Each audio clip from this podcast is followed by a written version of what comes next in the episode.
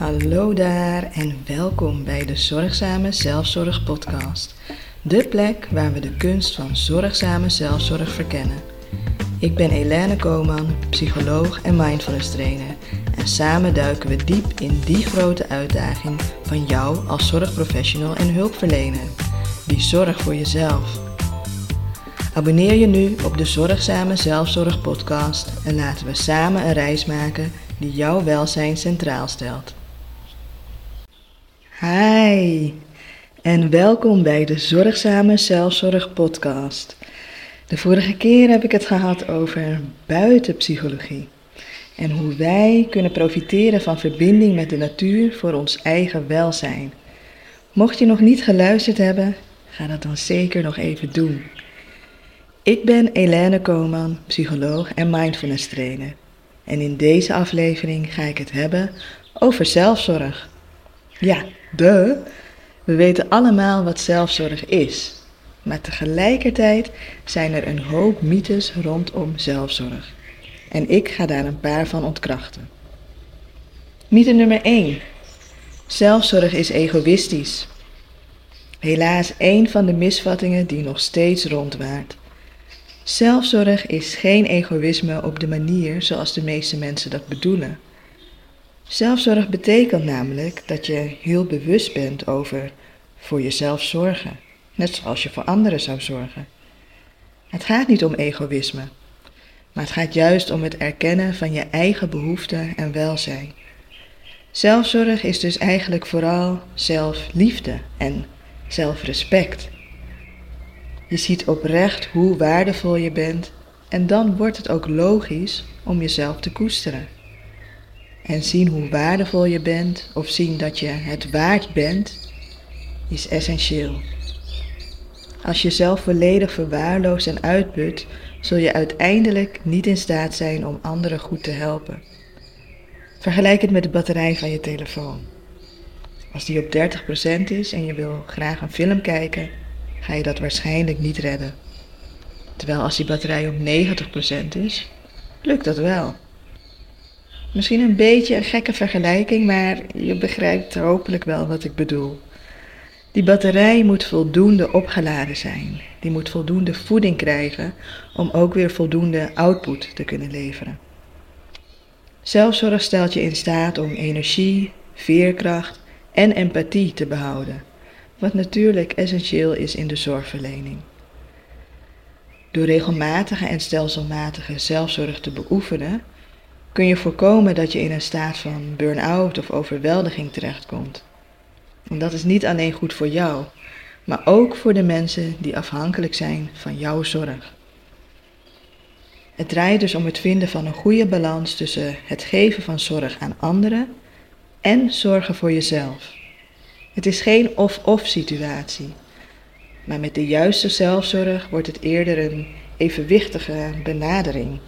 Balans is dus het streven.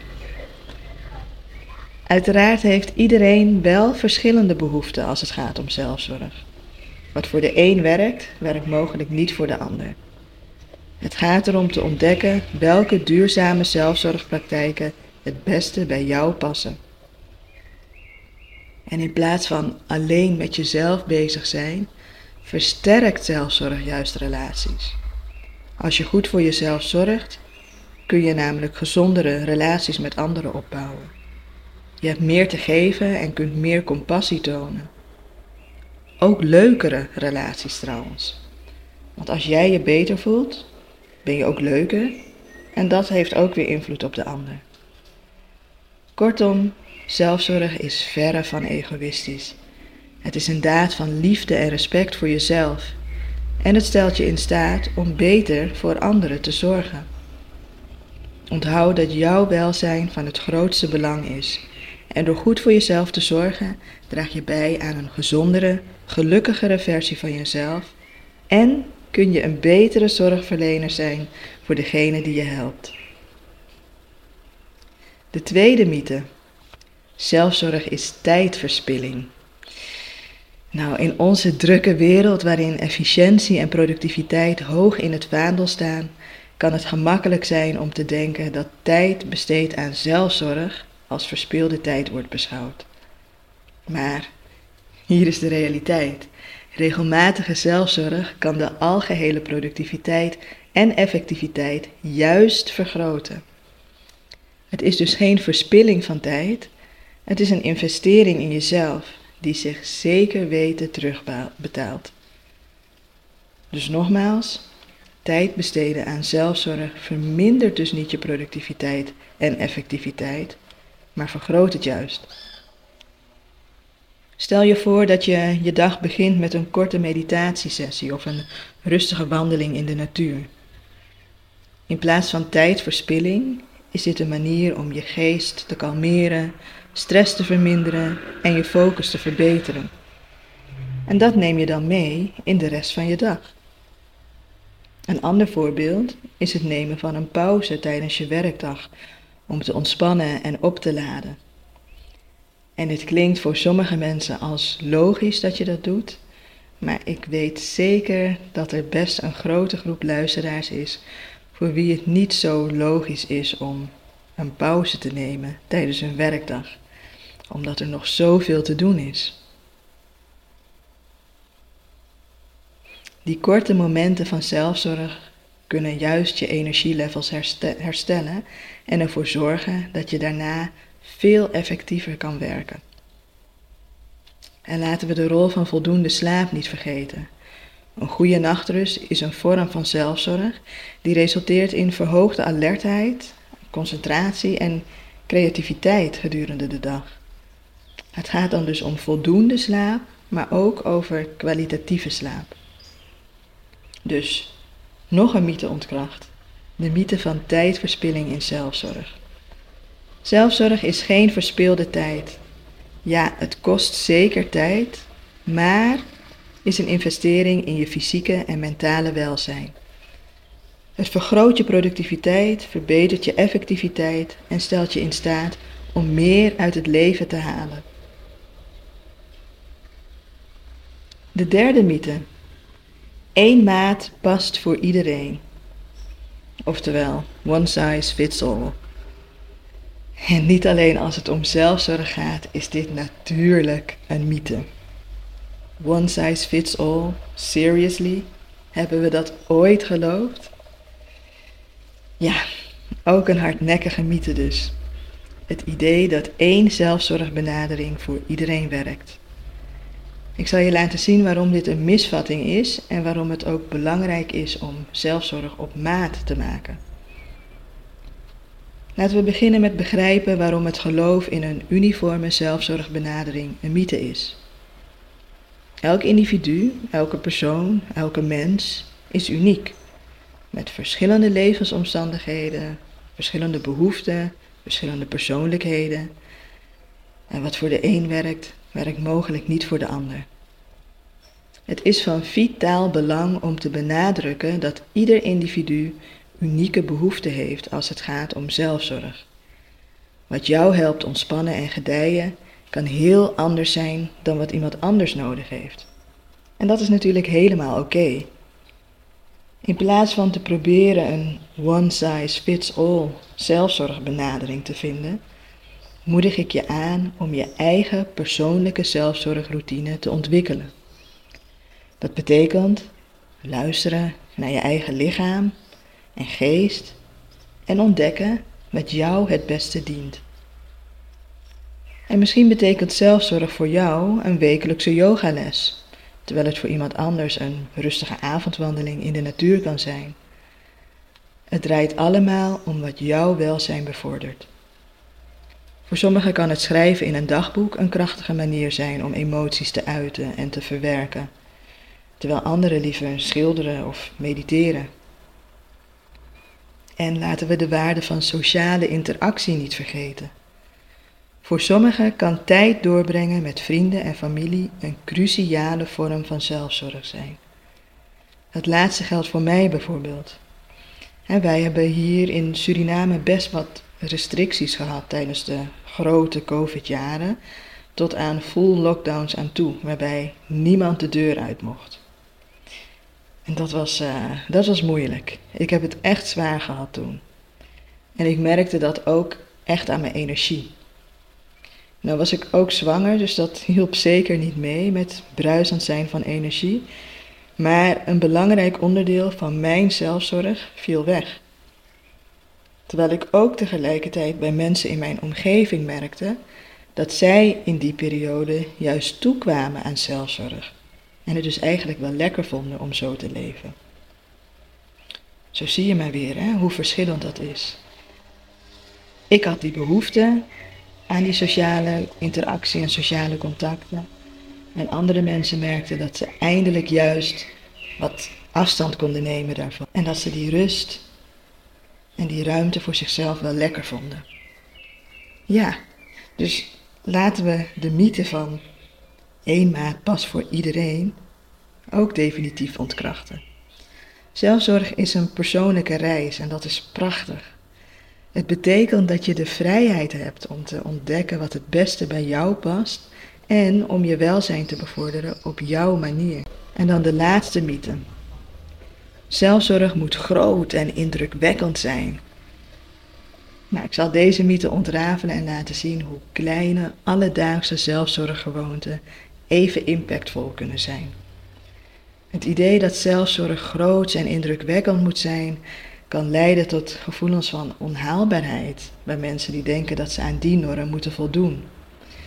En ja, als je iets toch al niet gaat halen, dan kun je er net zo goed niet eens aan beginnen, toch? Zonde, hè? Want dit is de waarheid. Zelfzorg omvat niet alleen grootse gebaren. Het zijn juist de kleine, alledaagse gewoonten die een grote impact kunnen hebben op ons welzijn. Als we naar wat voorbeelden kijken van kleine zelfzorgpraktijken die van significant belang kunnen zijn, kan het zo simpel zijn als een paar minuten in de ochtend nemen om rustig te ademen. Een wandeling maken tijdens de lunchpauze om frisse lucht in te ademen en buiten te zijn. En nou ja, om meer te horen over het effect van buiten zijn, kun je nog even naar aflevering 3 luisteren.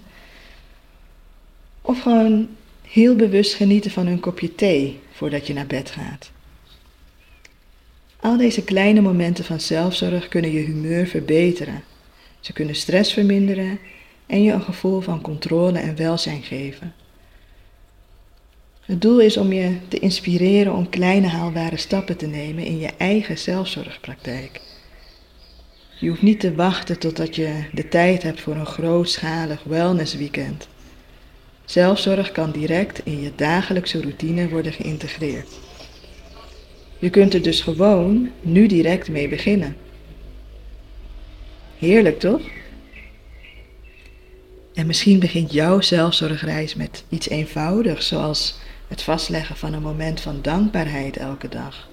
Of het plannen van korte termijn ontspanningspauzes tijdens je werkdag.